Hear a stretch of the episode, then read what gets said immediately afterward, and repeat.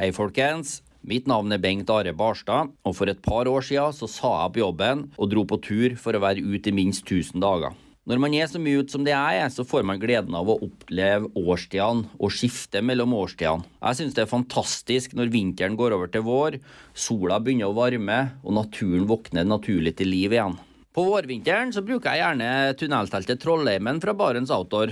Og det er ganske fantastisk den første gangen jeg finner en tørr bladflekk og kjenner gleden av å kunne ha mose og lyng i ytterteltet i stedet for snø, faktisk.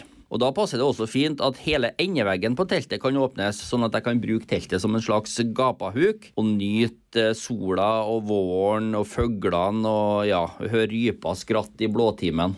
Samtidig så er det viktig å huske på at de første bærflekkene gjerne er blant de mest vindutsagte punktene faktisk når man er i fjellet. Men da er det ekstra godt å vite at teltene fra Barents står godt også i hard vind, og at det er gode forsterkninger på barduna og bardunfester. Alt det her kan du lese mer om på barentsoutdoor.no.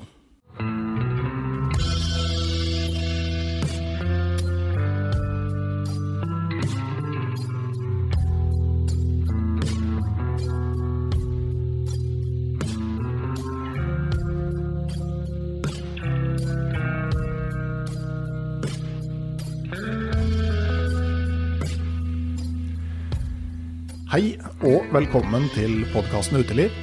Mitt navn er Randulf Valle.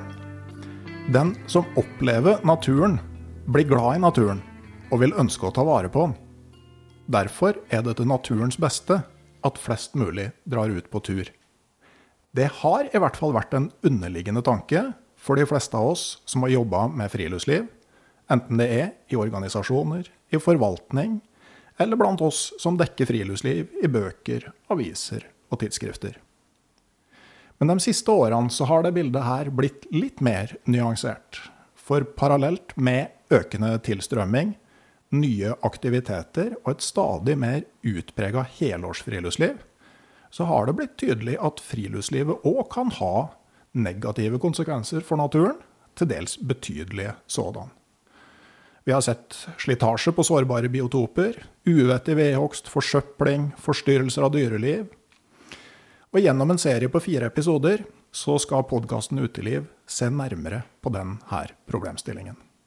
Dette er den første episoden i serien, og da skal vi gå til det juridiske fundamentet for friluftslivet og dykke ned i det. Nemlig friluftsloven, og for så vidt også allemannsretten som ligger til grunn for friluftsloven.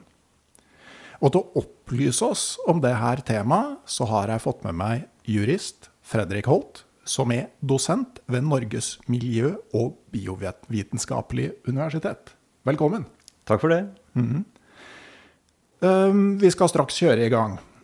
Men før vi starter på jussen, så spør jeg, som jeg alltid gjør, Fredrik, har du hatt en fin tur eller naturopplevelse nå i det siste?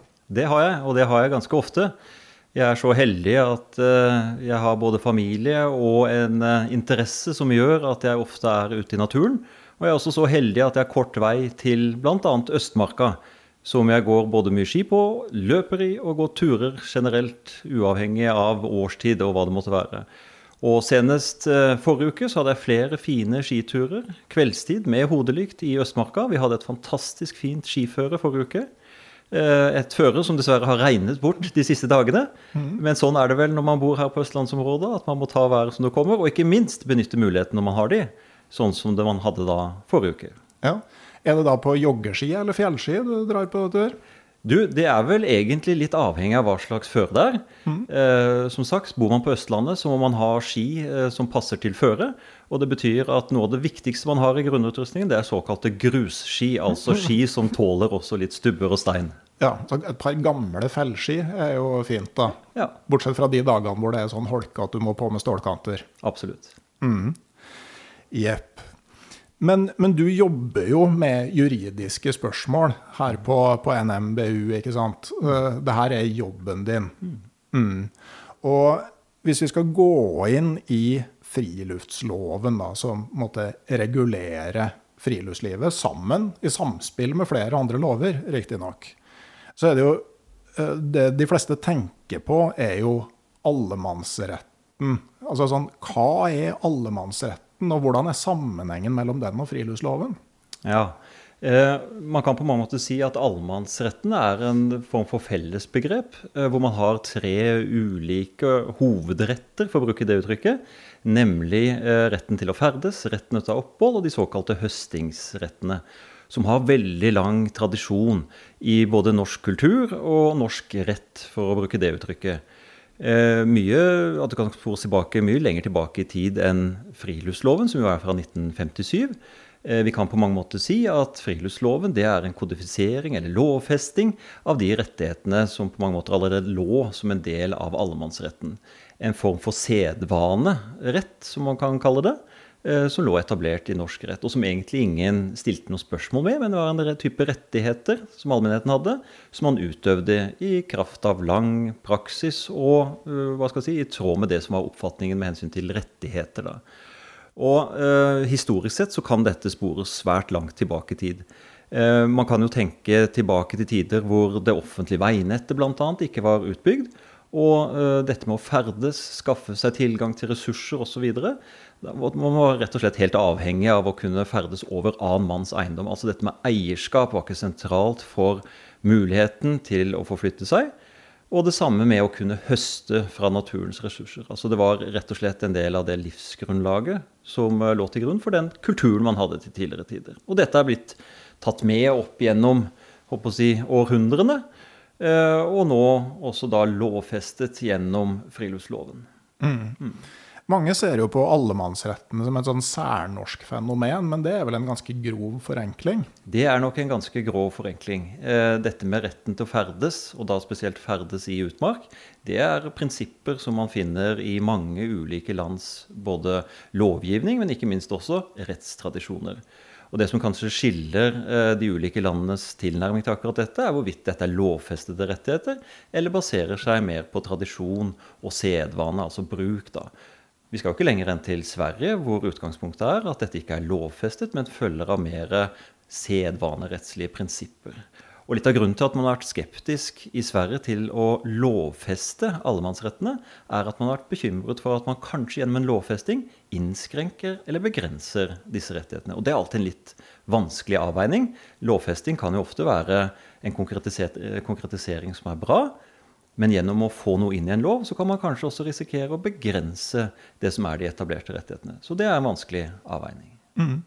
Men, eh, men det er jo ikke praktiseres jo ikke likt overalt. og Jeg har jo vært i land hvor det har vært betydelig mer restriktivt. Altså Det å ferdes gjennom utmark på New Zealand er jo ikke lov. Der må du ha tillatelse fra den som eier området for å kunne ferdes der. Ja, men det er stor forskjell på å si at vi er unike og vi er de eneste landene i verden som har eh, dette prinsippet om allemannsretter og en forankring i eksempelvis friluftsloven, mm. kontra det å si at også andre land har dette, men kanskje med ulike prinsipper og ulikt innhold.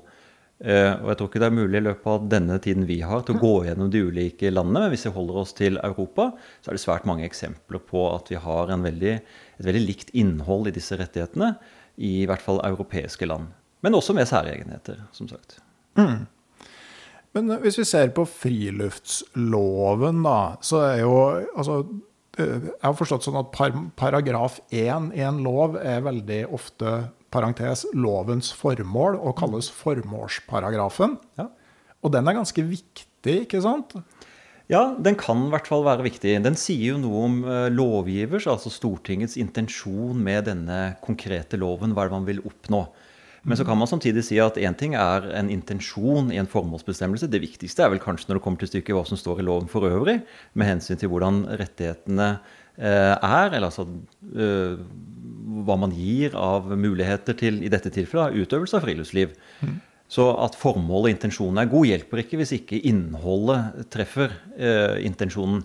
Men der du ofte kan se at den kan få stor betydning, det er hvis det er en tolkningstvil. Altså hvordan skal man forstå loven? Da vil ofte formålsbestemmelsen ha, ha stor betydning. Og hvis vi holder oss til friluftsloven, så viser jo den eh, rettspraksisen fra, altså disse avgjørelsene fra Høyesterett, at bestemmelsen har stor betydning, altså formålsbestemmelsen. Høyesterett har brukt den veldig aktivt for å fastlegge det som da er allmennhetens rettigheter etter friluftsloven. Og særlig når det kommer til dette med ferdselsrettigheter. Ja, for Hvis vi tar egentlig formålsparagrafen, da, så, så, sier den at formålet med denne loven er å verne friluftslivets naturgrunnlag og sikre allmennhetens rett til ferdsel, opphold, MV i naturen. Slik at muligheten til å utøve friluftsliv som en helsefremmende, trivselsskapende og miljøvennlig fritidsaktivitet bevares og fremmes. Mm. Og veldig artig at du tar opp akkurat det der med ordlyden, og særlig det siste punktet, bevares og fremmes. For det var en tilføyelse som kom i en lovendring i 1996. Eh, og som Høyesterett også har brukt veldig som sagt, aktivt når man skal prøve å fastlegge innholdet i disse rettighetene per i dag. Det har på mange måter beredt grunnen for en ganske dynamisk tilnærming fra domstolens side med hensyn til hva som ligger i disse rettighetene etter friluftsloven. Og som sagt særlig da dette med ferdselsrettigheter og oppholdsrettigheter. For det Høyesterett har sagt, er at man må ikke nødvendigvis forstå dette i lys av den loven som ble vedtatt i 1957. Man må også se på utviklingen som har vært siden 1957, og hvordan disse ulike interessene står seg på det tidspunktet man skal treffe avgjørelser. Og særlig da det som knytter seg til allmennhetens rett til å ferdes i strandsonen, så har jo dette fått veldig stor betydning. Fordi Høyesterett har sagt at gjennom den utbyggingen eller nedbyggingen som har skjedd i strandsonen de siste 50-60-70 årene, så har man også lagt til grunn at det er viktig at friluftsloven håndheves på en sånn måte at man sikrer og fremmer det som er igjen av rettigheter i eh, strandsonen. Og da har man også fått dette prinsippet om at grunneiere i strandsonen må tåle mer med hensyn til utøvelse av friluftsliv, altså andres bruk av strandsonen, enn i andre områder av landet. Så det er et veldig godt eksempel egentlig på betydningen altså av en formålsbestemmelse. Mm. Men det, hvis vi grovt sett, altså sånn, Hensikten med loven er jo da åpenbart altså å fremme friluftslivet. Men altså det loven gjør, er på et vis å lage en grenseoppgang mellom eh, mellom grunneiers rettigheter til egen eiendom og allmennhetens rett til å bruke den eiendommen. Mm. Og Det er jo viktig, også fordi det er jo ofte det man ser i lovgivningen, at man skal balansere ulike interesser. Og Bakteppet her er jo en balanse mellom det som er grunneiers interesser, og det som er allmennhetens interesser. Altså i den forstand de som utøver friluftslivet, altså enten gjennom å ferdes, ta opphold eller høste. En balanse mellom disse interessene. Eh, og det var nok veldig mye mer på spissen i 1957, og da typisk altså landbrukseiendommers utøvelse av drift og virksomhet opp imot allmennhetens interesser til utøvelse friluftsliv. Altså Da sto nok disse veldig sterkt mot hverandre. Og det ser man også i lovgivningen, at man forsøker å finne en balanse mellom det å drive en eiendom, typisk en landbrukseiendom, opp imot allmennhetens eh, rettigheter etter, etter friluftsloven. Denne balansegangen. da. Mm. Mm. Ja, for det, eh, Jeg har jo en del som støtter podkasten gjennom et frivillig abonnement på tjenesten Patrion. Og mm. dem spør jeg ofte om innspill. Og det var en som sa liksom han eh, var skeptisk til selve begrepet allemannsrett retten. For det er jo noe du på en måte utøver på en annens eiendom. At vi liksom skal ha en rett der. Men jeg tenker altså, loven sier jo at vi har en rett. Det, det å eie utmark det kommer vis, med visse modifikasjoner. Altså Du kan ikke gjøre hva du vil med den eh, eiendommen. Neida. Eh. Og, Det er jo det vi innledet med her også, å si at dette har en lang tradisjon i norsk rett, dette med allemannsrettighetene. Allemannsrettene. Eh, og vi har mange andre eksempler på at en grunneier må tåle innskrenkninger i sin bruk, altså rådighetsinnskrenkninger, mm. gjennom båndlegging av arealer, vernebestemmelser osv. Så. Eh, så dette er bare ett av flere eksempler, men den er kanskje litt spesiell med hensyn til de interessene som står mot hverandre, og utgangspunktet her, da, altså eiendomsretten kontra eh, allemannsrettighetene. Mm. Men som du sier, så er det jo da tre rettigheter som liksom ligger som, som, loven skjermer. Mm. Altså ferdsel, opphold og sanking. Mm. Er det på en måte litt sånn i prioritert rekkefølge etter styrken på beskyttelsen? At ferdselen på en måte er det aller viktigste? Jeg tror ikke man kan si det med utgangspunkt i verken lovens ordlyd eller i forarbeider, at man har gjort en form for prioritering mellom disse ulike rettene. Eh, det tror jeg ikke det er grunnlag for å si. Men vi kan heller si at i praksis så er det nok sånn at uh, dette med ferdselsrettigheter er det som betyr mest for folk flest. Altså det er den type rettigheter man utøver i det daglige, kanskje. Uh, det er klart det er mange som drar på tur, tar opphold, telter osv. Men jeg tror kanskje flertallet av brukere av utmark er de som bruker dette på ettermiddagsturen sin, formiddagsturen, lufter hunden osv. Men loven i seg selv prioriterer ikke mellom disse. Men innholdet i rettene Eh, kan jo være forskjellige. Og de kan også bli hva skal jeg si, ulikt forstått og utmeislet av domstolene etter hvert som vi får mer og mer eh, rettspraksis også. Mm. Men sånn med, med, loven sånn den er utforma, eh, den er ikke så veldig konkret? Nei, det er den ikke. Og det er at den skal ta høyde for uh, si, mye forskjellig bruk. Der den på mange måter er konkret, det er dette at man skal prøve å finne en balanse mellom hensynet til grunneier og hensynet til utøvelse av allemannsretten. Og når du sier den ikke er konkret, så er det vel ofte sånn at når man skal balansere hensyn, så er det vanskelig å forutsi eller forutse alle mulige konflikter.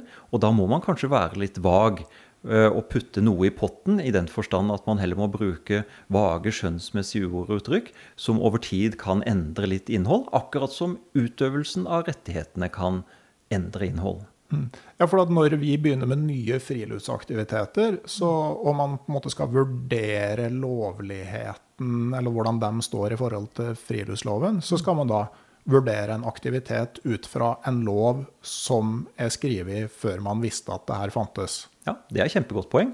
Og, men bare tilbake igjen til dette med det, balanseringen mellom disse ulike hensynene. Altså tanken om at det var en grunneier og allemannsretten, eh, allmennheten sto mot hverandre i realiteten. I dag så har nok dette gått veldig mye fra å være en lov hvor man skulle balansere hensynet til typisk eiere av landbrukseiendommer og, eh, og, friluftslivet som sådan, til å bli en lov hvor man i stor grad ser at konfliktene går mellom hytteeiere seg imellom, eller typisk lokalbefolkning og hytteeiere. Altså at den har dreiet veldig mye når det kommer til konflikter, og kanskje særlig i strandsonen, hvor man ser at ofte så har utgangspunktet for konflikten vært ikke en landbrukseiendom, inngjerding av beiteområder osv. Det er ikke det som er konflikten. Det er rett og slett at man gjennom lovlig nedbygging har bygget ned arealet hvor man tidligere hadde tilgang til arealene. Og så har man fortrengt den bruken som var der, kanskje fra lokalbefolkningen, gjennom hytteutbygging osv. Så, videre. så det har skiftet litt karakter sånn sett også, tenker jeg. Mm. Mm. Men det, det, er jo sånn loven er bygd, at den skal kunne, den skal kunne følge utvikling i, i samfunnet. Men, men, det er vel òg ganske tydelig at den, måte, den gir ikke nødvendigvis allemannsrett uten et sånn der permanent evigvarende vern? Nei, overhodet ikke. Fordi allemannsretten er jo på mange måter betinget av at du har arealer hvor det kan utøves allemannsrett. Og da er jo dette sentrale skillet i loven, altså skillet mellom innmark og utmark, viktig å være oppmerksom på.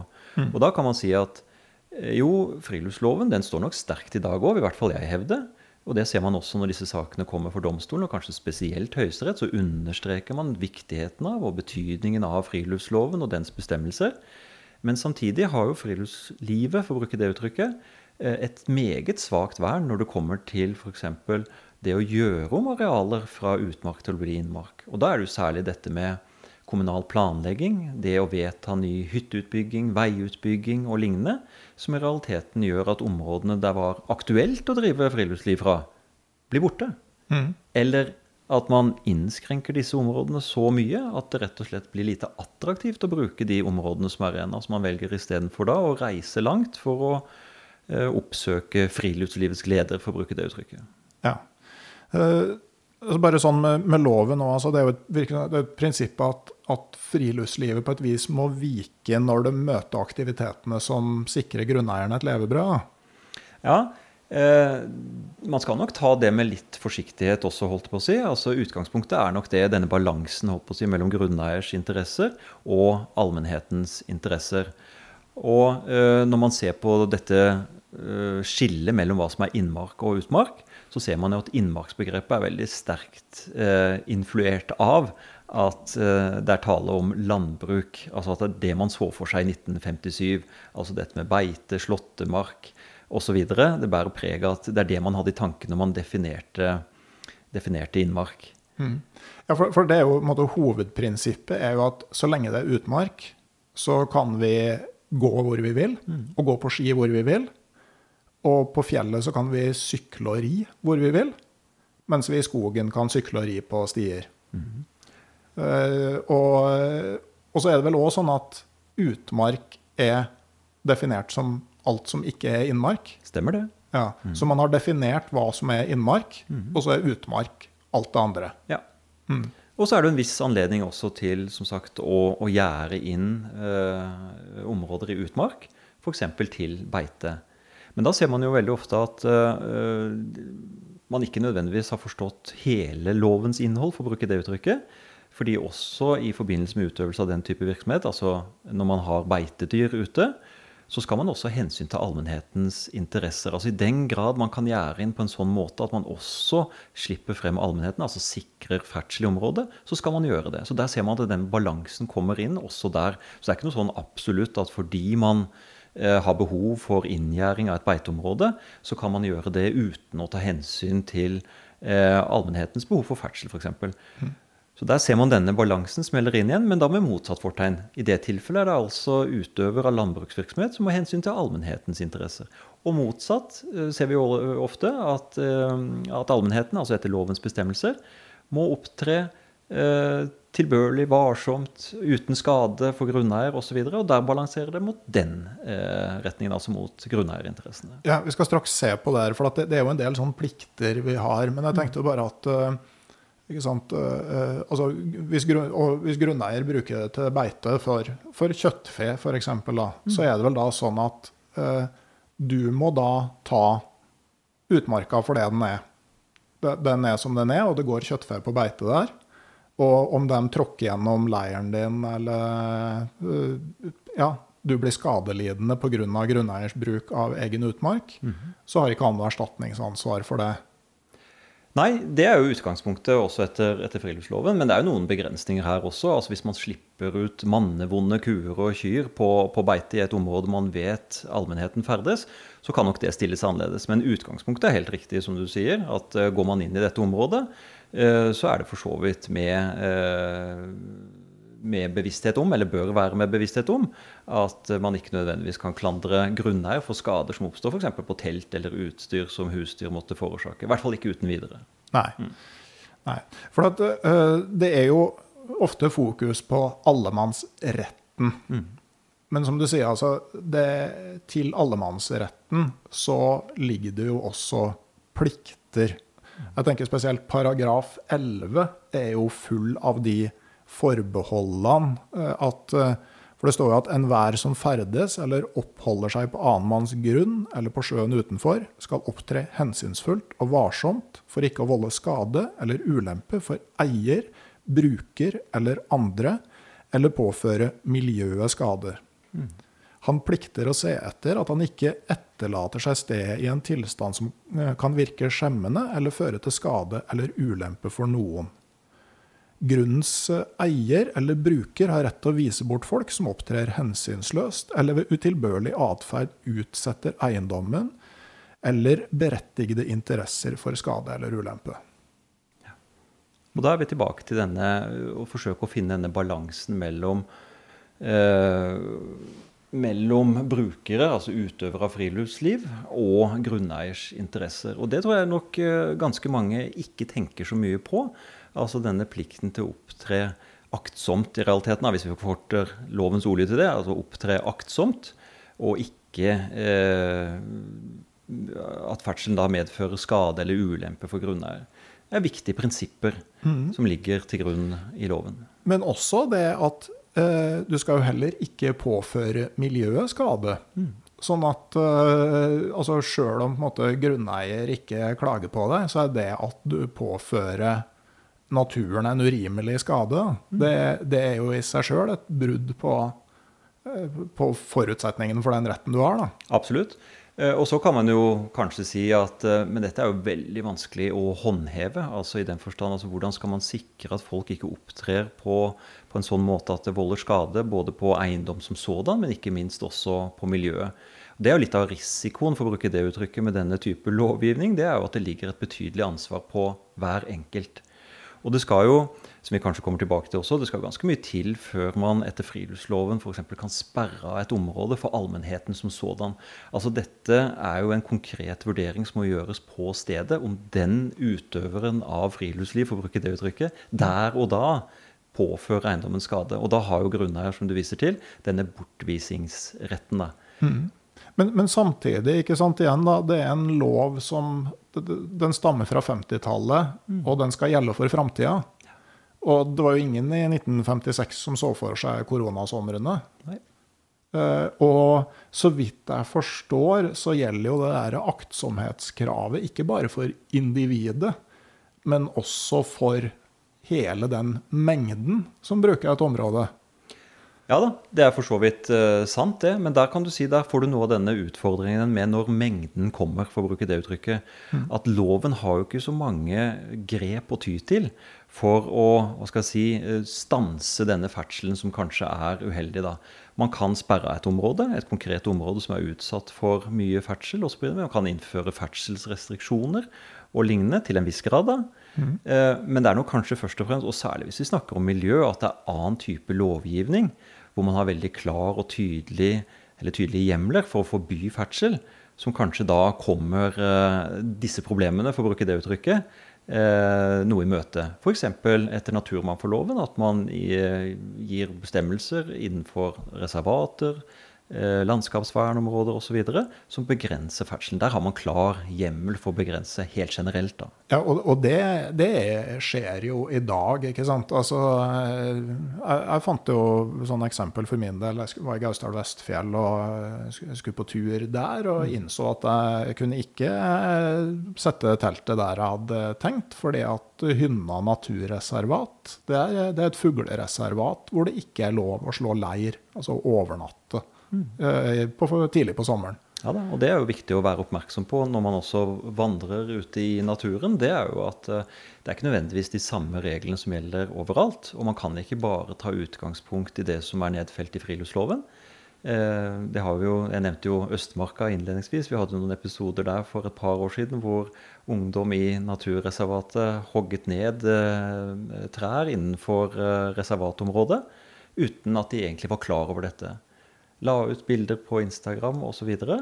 Og da var det jo selvfølgelig noen som reagerte, og de ble jo fortvilet, disse ungdommene. Fordi de skjønte jo da at de hadde gjort noe galt, men de hadde ikke gått inn og lest forskriften da, til disse verneområdene, hvor det klart og tydelig står at man ikke kan hogge innenfor reservatet, altså hogge ned trær. da. Mm. Og Der har du noe av utfordringen, og det ansvaret som ligger på hver av oss i realiteten. da. Mm. Eh, for å sette oss inn i hvilke regler som gjelder på de områdene vi ferdes i. Og det er jo faktisk ikke så enkelt med alle naturreservat, for at på kartet så står det slett ikke alltid hva naturreservatet heter. Nei. Eh, for at hvis du vet hva det heter, så kan du jo eh, google deg fram til forskriftene for det aktuelle reservatet. Men når du må begynne å gjette på hva det heter, altså men, men, det er klart, altså sånn inn, inn, eh, innringa områder med rette grønne streker på kartet, eh, det er jo et verneområde av et slag. Og det er jo lurt å finne ut av. Ja. Det var jo en tilsvarende sak som du nevnte fra Pasvik, hvor en YouTuber hadde lagt ut bilder av fyring tydelig innafor nasjonalparken. Ja. og det er klart at òg ettersom tilstrømmingen til sånne områder har blitt større, så jeg mener helt klart å ha sett en endring i hva man faktisk aksepterer sånn i løpet av de siste 20 årene. Når du sier aksepterer, hva tenker du på da? Altså blant utøvere av friluftsliv generelt, ja, eller myndighetene? Nei, sånn samfunnsaksept, ja. tenker jeg. At uh, bilder du nok kunne posta uh, ved årtusenskiftet, ville mange reagert på i dag. Det tror jeg også. Og jeg tror eh, hva skal jeg si, denne eh, justisen blant utøvere av friluftsliv kanskje er eh, tøffere i dag enn det var tidligere. Men også som du sier, at man ser det jo mye tydeligere. At man oppdager dette relativt tidlig. Der man tidligere kanskje vandret forbi et, en bålplass og så at her var det hugget ulovlig, så tenkte man ja, det er kanskje noe tid tilbake, her er det i hvert fall ingen per i dag. Mens i dag så vil du jo finne dokumentasjon på dette i sosiale medier og lignende. Og da har du plutselig en helt annen situasjon. Mm. Men du ser jo også, uten at jeg er så veldig aktiv på sosiale medier, for å si det forsiktig, mm. så hører jeg i hvert fall om at det reageres kraftig på sosiale medier når den type hva skal jeg si, ulovlig hogst eller atferd oppdages blant andre brukere. Jo da, det, det, det, gjør det. Det reageres jo kraftig på veldig mye på sosiale medier. Men, eh, men eh, internjustisen har nok endra seg ganske mye der. Og jeg merker liksom mine egne tanker rundt når og hvordan jeg fyrer bål, også der det er lov, da. Ja, og nå kan jeg jo egentlig stille spørsmål tilbake til deg, da. At har ikke dette også en sammenheng med at stadig flere kanskje bruker naturen, og særlig nærnaturen, i større grad enn det man gjorde tidligere. Jeg har i hvert fall inntrykk av det at mange steder så er antallet bålplasser det har økt kraftig de siste 10-15 årene på de mest hva skal jeg si, brukte områdene. Og da tror jeg kanskje også at vi i sum ser at det er noen uheldige sider ved utøvelse av friluftsliv, og som vi kanskje også kan, i flertall, altså som brukere, ser at det kanskje er behov for å regulere litt på en eller annen måte. Og man begynner å stille disse spørsmålene. Og særlig kanskje til de mest eh, hva skal jeg si, eh, populære utfartsstedene, altså turistutfartsstedene. Ja, både, Være seg Besseggen eller andre steder. Ja, en ting er jo Besseggen og sånn, men så har du jo altså, både din, den nærmarka, mm. eh, men også et område som Femundsmarka. For at uh, vi skal jo inn på det her i en egen episode med naturslitasje. Men det er jo lett mm. å si liksom Besseggen og Trolltunga, men samtidig der ferdes jo folk stort sett etter stien. Ja. Og så forsvinner de. Mm. Uh, mens når folk skal være ute i uh, ei uke eller to og ligge i telt og fyre bål, det òg er Sjøl om du går unna stiene og sånn, så, så ender du kanskje med å lage veldig tydelige spor der det ikke var det før. Ja, og kanskje du er inne på noe der. Kanskje nettopp fordi du går utenom stiene. Og summen da av alle disse teltplassene gjør jo kanskje at disse områdene på sikt blir mindre attraktive. Og opplevelsen av uh, uberørt natur også blir uh, annerledes enn det den kunne vært hvis man hadde en eller annen form for føring. Nå er det ikke sånn at jeg for min del ønsker at man skal ha nødvendigvis så mye føringer på utøvelse av friluftslivet, men kanskje på et eller annet tidspunkt og på enkelte områder man i sum ser at det kan være nødvendig. Mm. Men uh, så vidt jeg har sett, så friluftsloven, altså paragraf 2, den gir mulighet for å forby andre former for ferdsel enn til fots og på ski. Mm.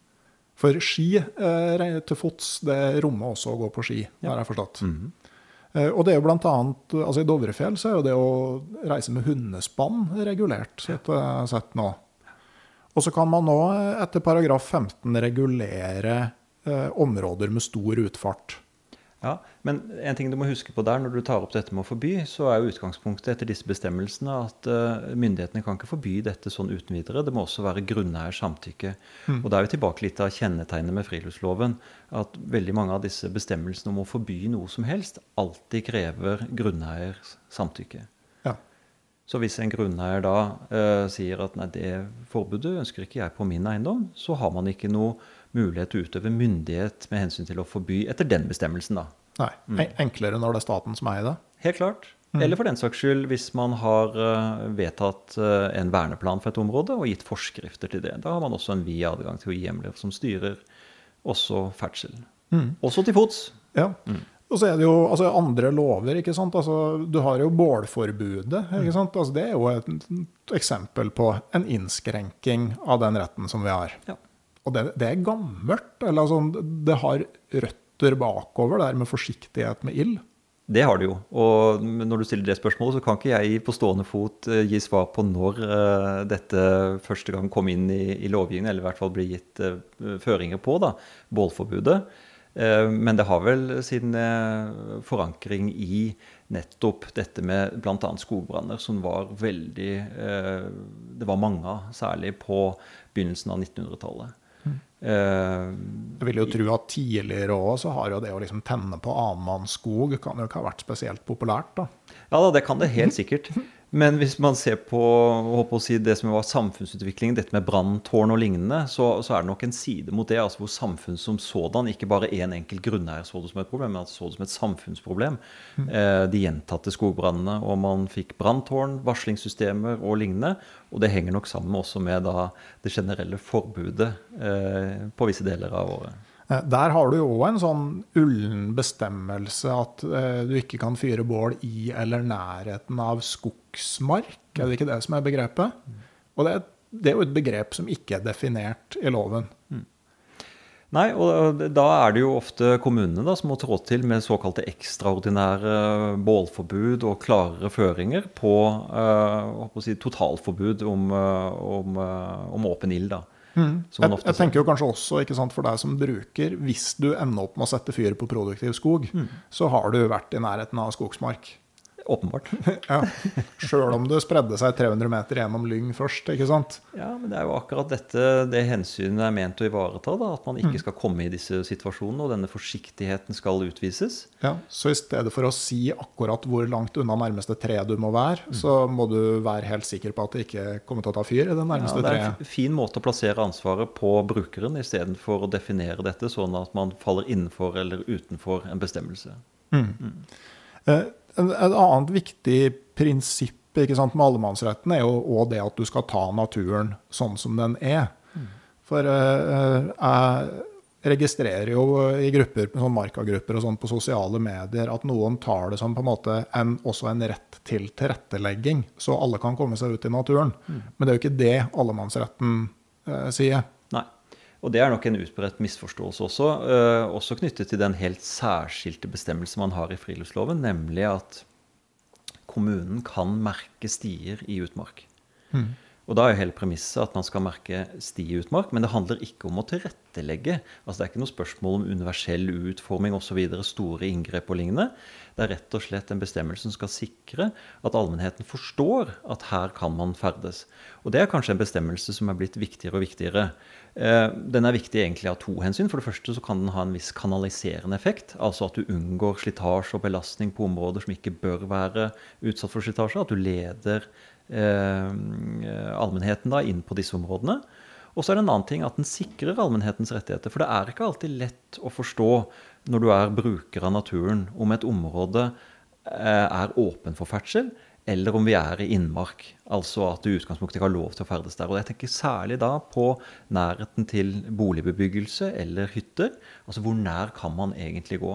Mm. Og da er det klart at hvis kommunene ø, treffer vedtak etter det som det er for, ø, friluftslovens paragraf 35, merking av sti, så skal man jo føle seg trygg på at ja, nå går vi i utmark.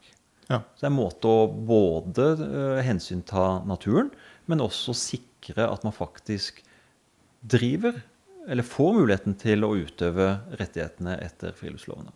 Ja. Eh, jeg støter jo borti det der eh, jeg fisker og laks. Eh, stort sett så har jeg gjort det langt unna vei i Finnmark. Men jeg syns det er helt forferdelig når du er i de elvene som renner gjennom jordbrukslandskap. For jeg går sånn kontinuerlig med angst for om jeg går på plasser jeg ikke burde gå. Ja. Det, det, det syns jeg er fælt. Ja, Og da tenker du langs vassdragsbeltet? Ja, langs vass, men nei, du skal komme deg ned til elva fra bilvei, for ja, eksempel. Sånn, ja. mm. For da sånn, Der er det jo et sånn lappeteppe av inn- og utmark. Kan være veldig vanskelig. Ja, og, og, og jeg så da, bare sånn digresjon at i England så er liksom den retten til fri ferdsel Der har man lagt veldig stor vekt på at ferdselsrutene skal være sammenhengende. Ja. At stiene skal henge sammen, mm. men du har ikke nødvendigvis noe rett til å gå utafor stien. Nei. Mens i Norge så har vi veldig stor frihet til å bevege oss der vi vil i utmark. Men f.eks. i et hyttefelt da, hvor utmarka blir fragmentert, så har vi ikke den samme beskyttelsen for å sikre sammenheng i rutene. Nei, og det er et kjempeviktig poeng du har der. altså Mens man da i, i England, i hvert fall store deler av England, har vært veldig flinke og man har en lang tradisjon for. Se hvordan man bygger disse steingjerdene og sikrer passage, altså veier ut i utmark over det området som ellers ville vært eh, å definere som, som innmark. Her har vi kanskje forsømt oss litt, bl.a. i mye av planleggingen, altså arealplanleggingen i, eh, i Norge. ved at man nærmest har uh, satt opp både boligbebyggelse, fritidsbebyggelse og næringsbebyggelse som rene barrierer mot det å komme ut i naturen uten å ta høyde for tilstrekkelige ferdselsårer gjennom disse områdene. Som jo på mange måter kunne sikret langt flere daglig bruk av naturen. Mm. Så jeg syns det er kjempepoeng du har der, men det sier også noe om denne bevisstheten man må ha rundt dette. I alle beslutninger, egentlig som berører arealbruken, og særlig på den type beslutninger som kan innebære nedbygging av arealer, altså hvor arealene går fra å være utmark til å bli innmark. Mm. Fordi at, eh, ja, at eh, man, når man kun ser hvert enkelt vedtak for seg, mm. så, så, ser man ikke at man etter hvert eh, legger store begrensninger på utøvelse av allemannsrett. Akkurat. Og der kan du på mange måter si her ligger det store potensialet i planleggingen. For i planlegging og i planleggingens natur så ligger det jo egentlig å se arealene i sammenheng.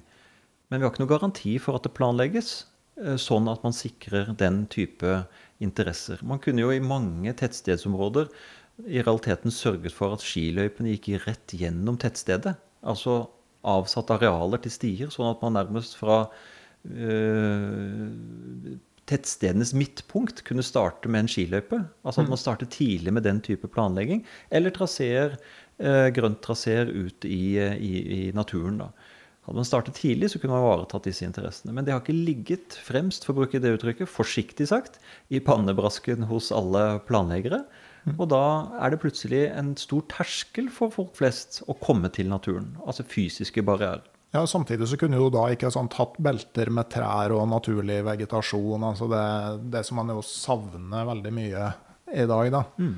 Eh, det, det, er et veldig godt poeng. Altså, og så er det jo ikke sant, altså, Du kan jo se for deg da, ikke sant, en, en, eh, en, eh, en bonde som har et utmarksområde, og som, deler, som kan bruke til beite. Og så deler du av et hyttefelt. Og så begynner du å leie ut setra di hele sommeren til forskjellige folk. Og så merker du at uh, ferdselen i, blir jo da konsentrert til det som er igjen av utmerka, men den blir såpass høy at det blir forstyrrende for, for krøtterne. Mm. Og så kan du gjennom friluftsloven da si at nå er ferdselen her til en ulempe for, eh, for dyrene mine. Og så blir det egentlig da allemannsretten som blir satt opp på, ikke pga. egentlig den økte ferdselen, men pga. den andre utnyttelsen du som eier gjør av utmarka di. Ja. Mm. Ja, veldig interessant eh, eksempel du trekker frem der. Og det illustrerer også kanskje på, på noen måter uh, lovgivningens paradokser. Altså når disse lovene ikke nødvendigvis snakker sammen eller eh, passer så godt i hop, holdt jeg på å si. Uh, og man har jo mange eksempler på dette. altså Øyer, utbyggingen, Hafjell osv. Dette med beiterettigheter som ligger på arealene. Uh, man fradeler hyttetomter, det bygges hytter. Hytteeierne klager på at dyrene beiter, gjør fra seg inne på tunet på hytteeiendommen osv. Alt dette er jo ting man nærmest kunne forutsett og hensyntatt. Både i planleggingen, men også i forbindelse med Eh, selve initiativet da, fra eh, disse landbrukseiendommene. Eh, det bør jo ikke komme som en overraskelse at uh, hytteeierne reagerer. Samtidig bør det heller ikke komme som en overraskelse på hytteeierne at det beiter dyr i området. Altså Klassisk konflikt som man kan forutse. da. Mm. Mm. Ja, for at, altså, Som nevnt, altså, friluftsloven er riktignok revidert i 1996, men, men fundamentet for friluftsloven er ganske gammelt. Mm. Og, og, og det, det, viktigste skillet, kanskje, det er jo skillet mellom innmark og utmark. Altså det, sånn som loven er definert, så blir det veldig sentralt. Helt sentralt. Det er nærmest helt avgjørende for uh, disse mm. rettene. Mm. Ja. Uh, men, men, også andre ting ikke sant, som har endra seg veldig mye på 70 år. da. Uh, Altså, ikke sant? Sånn som, sånn ting som hundekjøring i skiløyper er noe som uh, dukker opp. Og det står ingenting om det i friluftsloven. Og da tenker du på konfliktene mellom ja. de ulike brukerne av naturen? Det er det du tenker på da? Jeg tenker på det, ikke ja. sant? For det, du hadde ikke tråkkemaskiner som kjørte opp skiløyper, og det var veldig få som kjørte med seksspann. Nei, her dukker det opp veldig mye annen og ny bruk som ikke er styrt eller regulert av friluftsloven på noen som helst måte, men hvor eh, loven i seg selv nærmest legger til grunn da, at vi opptrer, opptrer hensynsfullt og aktsomt overfor hverandre, også som brukere, kan man på en måte si. Mm. Og det er jo en veldig fin tanke, eh, hvis den gjennomføres i praksis. Men man ser nok oftere og oftere at eh, det i større og større grad er konflikter mellom, mellom brukerne. Og det blir jo interessant da å se fremover om det kommer f.eks. Eh, lovgivning knyttet til eh, ulike former for bruk og utøvelse av friluftsliv.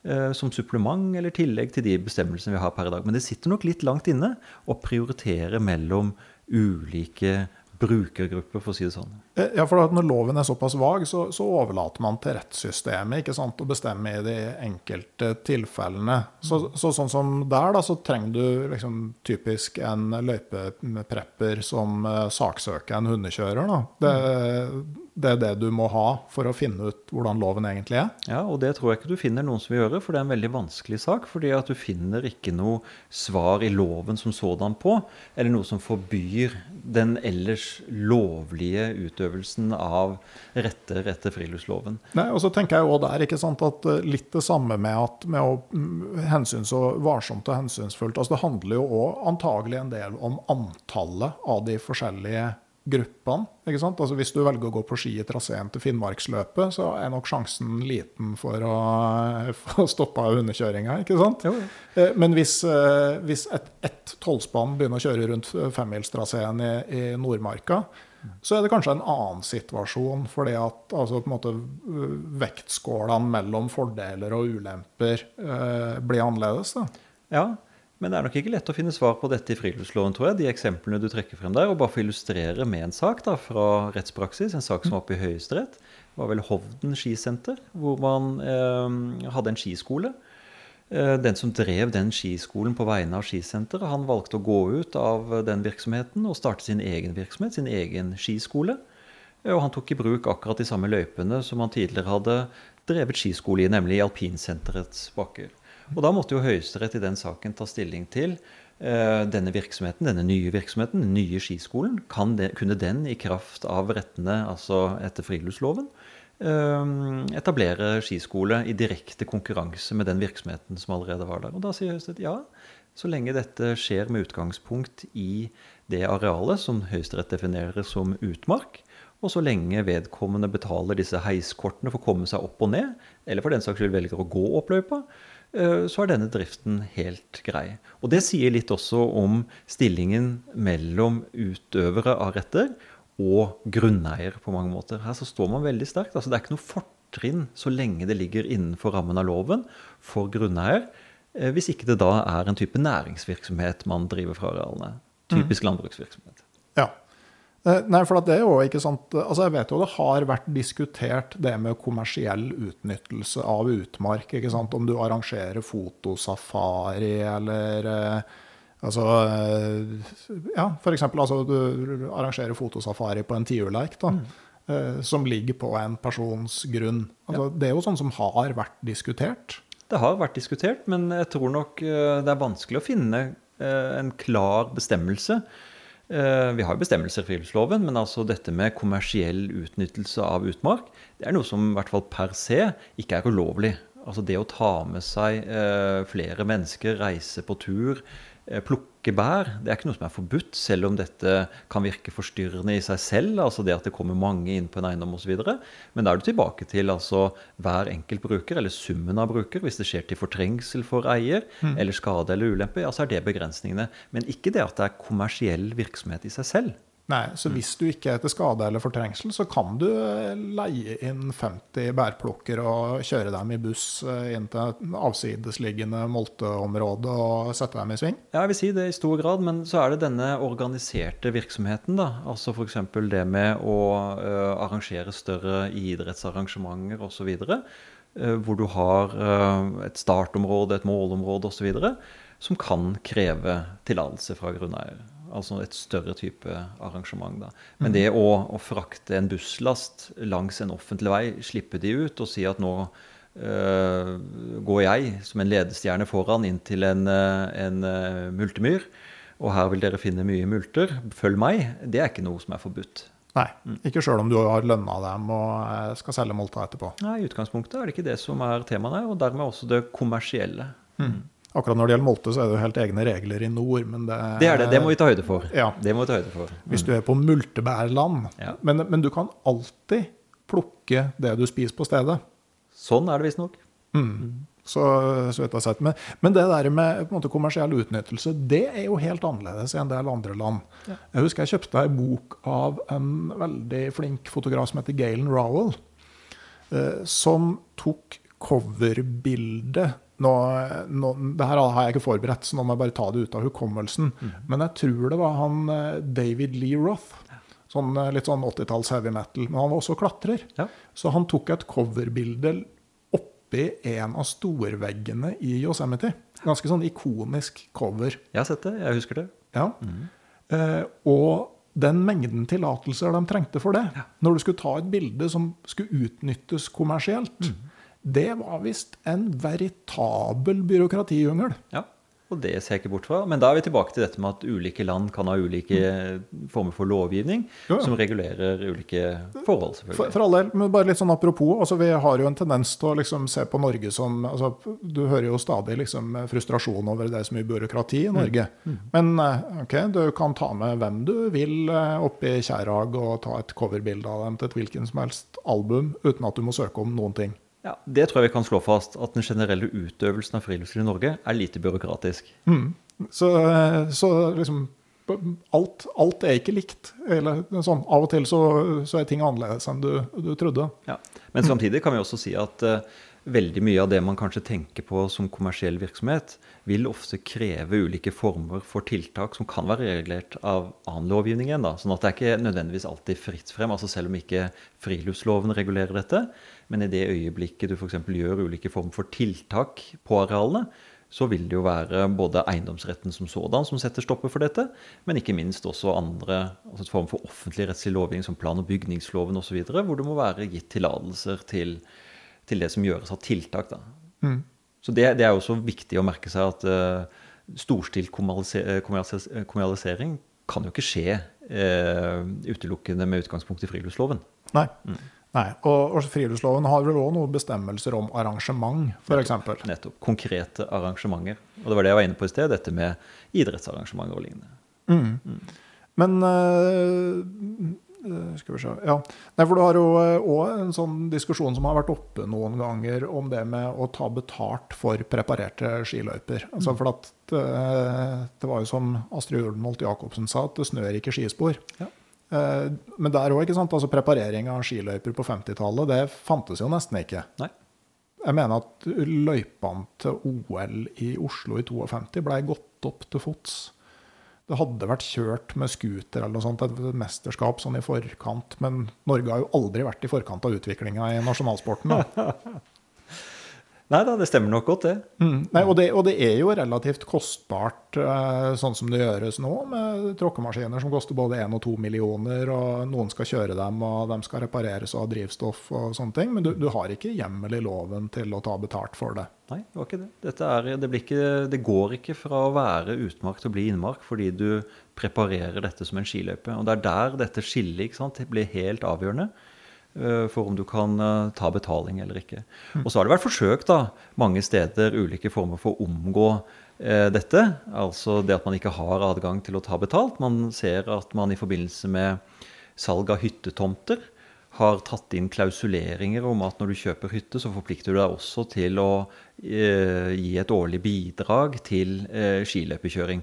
Men da er vi over på noe annet. Da kan du rent sånn privatrettslig i en kjøpekontrakt selvfølgelig påta deg den, eh, det ansvaret, hvor du da sier at rent sånn privatrettslig så betaler jeg en gang i året kroner det og det til skiløper. Og da må eventuelt den som eh, preparerer, eh, hvis det ikke betales, kreve inn dette med de midlene som ellers er i, eh, Ja, og, i lovgivningen. og det kan du da ikke sant knytte altså Da betaler du egentlig ikke for å få gå på ski, men du betaler den avgifta fordi du har fått kjøpe hyttetomt. Ja, du sikrer deg et gode, eh, er vel tanken, da. Ja, for at du Eh, kan- Gjennom kjøp av hyttetomt. Men hvis du da velger å ikke kjøpe hyttetomt der, så kan ikke grunneieren nekte deg å komme og gå på ski. Nettopp. Det, er hele poenget. Ikke Ja. sant? Fra et sånt rettslig ståsted, med utgangspunkt i friluftsloven osv., så, videre, så kan du ikke nekte andre. Men da kan du jo fort få den type skilting da, som eh, kan også da være i strid med friluftsloven. For du ser jo ofte at man enten da krever inn parkering, uten at man, altså parkeringsavgift på ulike steder, uten at kommunen har gitt tillatelse. Kommunen skal jo gi tillatelse til å kreve inn parkeringsavgifter, sånn at de også kan vurdere størrelsen på parkeringsavgiften. Og så har man den type skilting som nok dukker opp i større og større grad. Altså at du kan vippse uh, for bruk av skiløypene. Eh, og på et eller annet tidspunkt så kan jo også innholdet der være det man vil kalle sjikanøst. Altså at det er de facto et, uh, et stengsel da, i realiteten for utøvelse av det som er rettigheten. Og da begynner det å bli ganske interessant og litt sånn finjus i dette. Hvordan kan man egentlig gå? Ja, jeg hørte et hyttefelt så noen som foreslo at det var jo sånn frivillig bidrag til løypepreparering. og De foreslo at du kunne få noen sånn eh, luer i en knallfarge når du hadde betalt det her. Ja. Men det ville jo kanskje komme inn på under en sånn type ting, da. At du får en slags uthenging av de som ikke har betalt. Ja, og så kan du si at eh, det med uthenging er nok ikke regulert i friluftsloven. og det er nok vanskelig å få dette med luebruk til å jeg si, definere det som en form for ulovlig stengsel. Ja. Men vi er jo et grenseland her på mange måter som gjør det veldig vanskelig, og ikke minst da ubehagelig kanskje da, for brukere når man innfører den type systemer. Men akkurat luer er jeg ikke så veldig bekymret for. fordi uh, om man ikke nødvendigvis har den farven på lua den dagen, så tar man det man har. Og i sum så tror jeg det er ganske mange som glemmer det over noe tid, uten at det påvirker utøvelsen av av rettigheten. Ja. Men, uh, um, men en annen ting som ikke var definitivt ikke var funnet opp da friluftsloven kom, det var jo Instagram. Eh, og vi ser jo nå at turer kan gå fra å være en uh, sånn mer eller mindre bevisst bevart hemmelighet blant lokalbefolkninga til å være et internasjonalt fenomen i løpet av 0, svisj. Eh, har man, hva kan man på en måte hva kan man gjøre i en sånn eh, sammenheng? Altså, har man noen mulighet til å begrense ting, eller? Ja da, man har jo en viss uh, mulighet til å, å begrense til, men terskelen er nok ganske høy altså, etter loven. Eh, og så har man kanskje en annen utfordring også som ligger liksom latent i, loven, og det er den type eh, styring, eh, restriksjoner og lignende, forutsetter veldig ofte at en skade eller en ulempe er inntrådt. Altså man, man kommer ikke inn i forkant, man må først konstatere at det er behov for å regulere. Og da vil man kanskje med hvert fall enkeltes øyne si at men da er det jo ofte for sent. da. Sånn at vi har et sånt prinsipp som ø, ellers ligger f.eks. i naturmangfoldloven, med øh, føre var-prinsippet, altså at man må unngå skade. Mens her i friluftsloven så er det på mange måter så er rettighetene såpass sterkt beskyttet at man må først konstatere skade før man eventuelt går inn og, og regulerer dette. I hvert fall i veldig stor grad. Ja, og, og det, det er jo litt sånn interessant tilbake til det vi snakka på med den eh, fiktive gårdbrukeren som eh, solgte hyttetomter og leide ut setra og eh, til slutt syntes ferdselen blei for stor. Da. At eh, da da eh, har du på en måte ikke noe sånn eh, maktmiddel før du er kommet dit at skaden er skjedd. Nei, altså det er det som er litt av, øh, av utfordringen. da, fordi at øh, Loven bruker f.eks. uttrykket 'til regulering av ferdselen på områder hvor utfarten er stor', kan kommunen med samtykke av eieren eller brukeren fastsette atferdsregler som enhver som ferdes i området plikter å følge. Det er jo litt sånn svak øh, regulering, og igjen da med grunneiers samtykke. Og Her kan man jo av og til kanskje også se at øh, grunneier kan ha helt andre, hva skal jeg si, mer kommersielle interesser i utnyttelse av et område altså tjene penger på denne ferdselen, og kanskje ikke er så interessert i å styre eller begrense ferdselen. da. Nei. Nei, Og, det- og da det- ligger jo dette til grunn hele tiden, at grunneier må samtykke. Mm. hva det, hvordan står friluftsloven i dag? Altså, er det noe revisjon liksom, eh, i overskuelig framtid? Eller er, når den var revidert midt på 90-tallet, så er det snart 30 år siden. Altså, er, ser du noen områder hvor den kunne trenge en, eh, en liksom oppussing? Nei, jeg vet ikke om jeg egentlig ser det sånn umiddelbart. Vi har diskutert noen ulike eh, scenarioer her i dag, og ulike former for bruk av naturen osv. Men det er klart at i veldig stor grad så har man også annen lovgivning man kan støtte seg på. I tillegg så er jo også loven veldig dynamisk etter sitt innhold. Altså hva som er innmark og utmark. Der ligger det et visst handlingsrom også ut fra eh, tiden for domstolene til å definere dette nærmere. Og vi ser jo hele tiden at f.eks. Høyesterett eh, i mange saker, og særlig i strandsonen, da, har flyttet på det som har vært forståelsen av hva som er innmark, f.eks. en hustomt. Mm. Og sier da at man må tåle ferdsel relativt nærme selve bebyggelsen. Og sånn sett så er loven veldig dynamisk. Og man sier jo også, eller man hører i hvert fall av og til, at man sier at friluftsloven er under press. Men øh, fra et rettslig perspektiv, og det kan sikkert være ulike oppfatninger om det, men jeg mener altså fra et rettslig perspektiv så tror jeg ikke det stemmer. Altså Loven står sterkt. Den har aldri stått sterkere, vil jeg si, hvis man ser dette i lys av den høyeste rettspraksisen. Så er ikke loven eller friluftsloven som er under press. Vi var litt inne på det i sted også. Det er arealene hvor du utøves, eller kan utøves friluftsliv, som er under press. Om det er skogbruksnæringen og flatehogst som legger altså de facto begrensninger på utøvelse av friluftsliv, eller om det er nedbygging av arealer, altså stadig flere fritidsboliger, eller boliger eller lignende, eller veiutbygging for den saks skyld, så er det egentlig en litt annen skål. Altså Det er jo ikke loven som sådan er, uh, som er under press, det er arealene. Ja. Men det er selvfølgelig en helt avgjørende og nødvendig sammenheng mellom dette. Mm. Og da er vi litt tilbake til det vi snakket om i sted. altså Det å se sumvirkninger av hvordan dette påvirker ikke bare nålevende generasjoner, men kanskje også fremtidige generasjoner. Uh, men da tror jeg svaret, hvis man skal uh, sikre sikre disse rettighetene i større grad. Ikke nødvendigvis er friluftsloven, Nei. men det er sikring gjennom uh, strengere føringer kanskje på hvordan man omdisponerer arealet. Alt fra uh, høyfjellsområder, skogsområder og lignende. Og kanskje bare for å ta inn det barn og unge og barn og unges interesser. Altså, øh, Mens kanskje tidligere generasjoner hadde god tilgang på naturen, man i større grad eh, åpnet opp for, eller planla med store tomter, det var lett å komme til friluftsområdene, naturområdene, så bidrar kanskje denne fortettingen som pågår i mange tettstedsområder, det at man skal skåne naturen som sådan, bygge tettere, men samtidig da innebærer det at man bygger ned ferdselsårer. Og for eh, voksne så er kanskje ikke det noe problem. Man kan sette seg i bilen eller man kan ta sykkelen og sykle ut og oppleve fin natur, om det er Østmarka eller Nordmarka eller hva det måtte være. Man finner sin måte. Men den daglige bruken, særlig blant barn og unge, er jo noe som bør bekymre alle som er opptatt av friluftsliv. Eh, og for så vidt også friluftsloven. Altså sikrer man at fremtidige generasjoner får interesse for og ser behovet for og poenget med å sikre disse interessene. Det tror jeg er et litt interessant perspektiv i årene som kommer. Ja, og Da er vi litt tilbake til paradokset jeg innleda med. ikke sant? At uh, Bruker du naturen, blir du glad i den. Men vi må også innrette oss sånn at det både er natur å bruke, og at vi bruker den på en sånn måte at vi ikke får bruke den. Akkurat. Og der tror jeg vi voksne og alle beslutningstagere også er eksempler for barna og de fremtidige generasjonene. Og det bør man tenke gjennom. Ja, og, og noe av det vi kanskje, Så, så du tenker kanskje at altså, friluftsloven har de altså vi har de hjemlene vi trenger i lovverket for å regulere den utmarka vi har? Altså sånn når man, når man ser reaksjonen på f.eks. uvettig bålbrenning eller eh, eller å felle ei fersk furu. Det er jo helt idiotisk. Den mm. brenner jo ikke. Det er omtrent som asbest. Mm. Og, og, og, det er jo ikke lov. Det er ikke lov.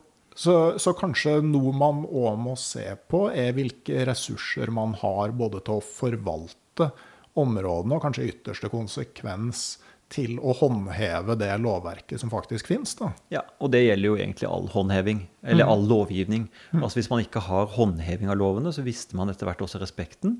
Og kanskje en del av den kulturen vi har, forsvinner gjennom manglende håndheving. Så det er jo svært viktig at uh, de som er satt til å være myndighet når det kommer til håndheving av disse rettighetene etter friluftsloven, gjør den jobben. Og da har jo kommunene en særlig viktig rolle. Det er jo kommunene som er primærmyndighet etter friluftsloven og skal sikre ivaretagelse av allmennhetens rettigheter, og ikke minst også eh, påtale brudd mm. på, eh, på, på, det som er lovens bestemmelser. Kjempeviktig. Ja, Men jeg ser jo der òg at det etterlyses eh, mannskap da, på bakkenivå, altså i nasjonalparkene f.eks. Altså den gode gamle skogvokteren. For uh, at det, i de områdene med mye ferdsel, så er det kanskje noe sånn man uh, trenger, da. Det tror jeg også. Og, men da er vi mer over på dette med ressurser. Jeg tror den type ja, hva skal jeg kalle det da, funksjoner med oppsynsmenn og lignende, som kan også gi råd. Ikke bare være den som påtaler brudd, men rett og slett gi råd, hjelpe folk til å forstå viktigheten av måten man ferdes på, måten man opptrer på, er veldig viktig. Og det er også en veldig myk form for, om ikke håndheving, da, så i hvert fall ivaretagelse av det som ligger av interesser i loven. Og Det er derfor jeg også tenker at uh, når vi snakker om dette med friluftsloven, trenger man egentlig uh, så mange endringer? Nei, kanskje man skal være oppmerksom på at det av og til må gjøres endringer, som, altså hvor loven tilpasser seg endringer i samfunnet. Men stort sett så vil jeg si at friluftsloven har vist seg veldig tilpasningsdyktig. Mm. Og da stiller jeg også spørsmålet ved om dette med eh, å, å, få løftet opp allemannsretten som eh, en grunnlovfestet rett, om det egentlig er noe poeng. For som vi har vært inne på flere ganger nå, loven er jo veldig dynamisk sånn som den er formulert nå. Mens en grunnlovfesting kan jo i veldig stor grad bidra til en form for konservering av de rettene vi har. Så før man i hvert fall går til det skrittet, så tror jeg man skal være veldig forsiktig med og veldig eh, tenke nøye gjennom ordlyden i en sånn grunnlovfesting av allemannsretten. Og da har vi tilbake til det vi startet med, nemlig Sverige har jo til, til og med vært skeptiske til å få dette inn i loven. Mm. Og hvis vi løfter til Grunnloven, så må vi være klar over at det kan gi noen utilsiktede virkninger. Og, eh, og utilsiktede virkninger trenger man da tre fjerdedels flertall? Eh, på Stortinget for å få gjort det om. Ja, det er vel to tredjedeler? To tredjedeler er det kanskje. Ja. Mm. Ok. ja. Altså det, det, skal litt mer enn ett parti til, da, for å Men eh, Ja, det skal det. Men her må man også huske på at eh, det er vel de færreste som sier at per se så er det dumt å løfte en rett opp til grunnlovsnivå, og særlig dette. Altså de fleste vil være enige. Eh, kanskje, når man bare får det presentert. Det gjør vi. Mm. Men man skal være klar over også de negative sidene, eller de mulige begrensningene som ligger i dette, tenker jeg da. Ja, du, du kan få noe du kan få en rettighet som står veldig sterkt, men du kan samtidig ende opp med å begrense den og gjøre at den blir mindre dynamisk i møte med framtida. Ja, jeg tenker det. Mm. Mm. Tusen takk for eh, en veldig interessant prat, eh, Fredrik Holt. Eh, veldig, setter veldig pris på at du ville ta imot meg her på Ås. Vi kan vel da, Det er en grei konklusjon. altså Friluftsloven som sådan står godt og, og, er på en sånn form at vi kan ta den med oss videre inn i framtida. Det er bra.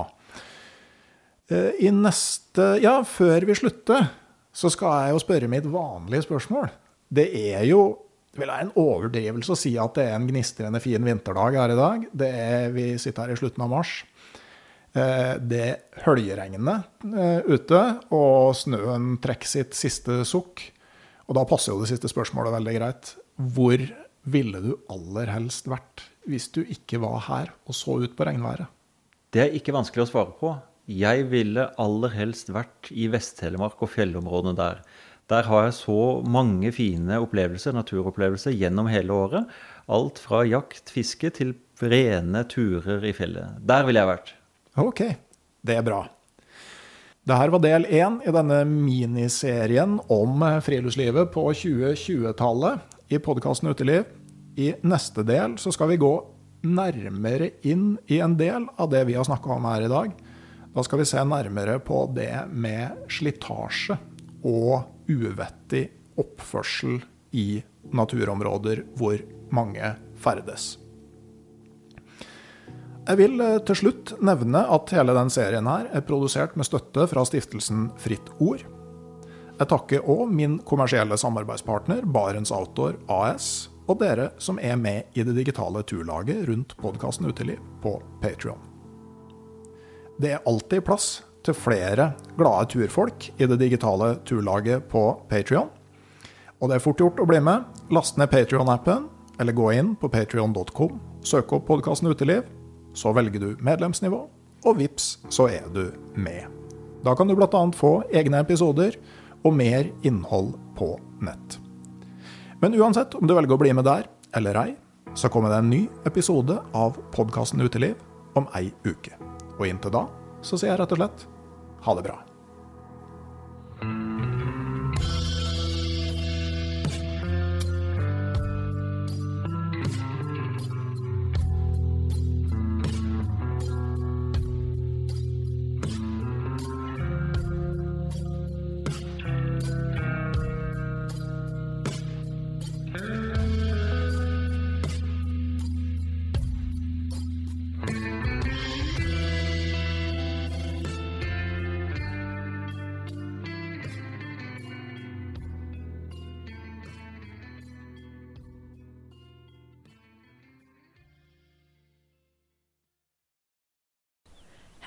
Jeg heter Nore Helligsen og er daglig leder i Barents Outdoor. Det beste vi kan gjøre for planeten, er å redusere forbruket vårt og få mer ut av det utstyret vi allerede har. Men vi vet av erfaring at bruken av telt kan endre seg over tid. Det teltet du kjøpte for to år siden, passer kanskje ikke det behovet du har i dag. Derfor har vi i Barents etablert en egen panteordning der vi tar imot brukte telt av god kvalitet i innbytte når du kjøper et nytt av oss. Prosessen er enkel. På barentsoutdoor.no gir det oss informasjon om teltet du vil bytte inn. Basert på det får du et tilbud fra oss som gir deg rabatt på ditt neste Barentsprodukt. Mer info og betingelser finner du på barentsoutdoor.no. Og husk at den første reparasjonen på produkter fra Barents er alltid gratis.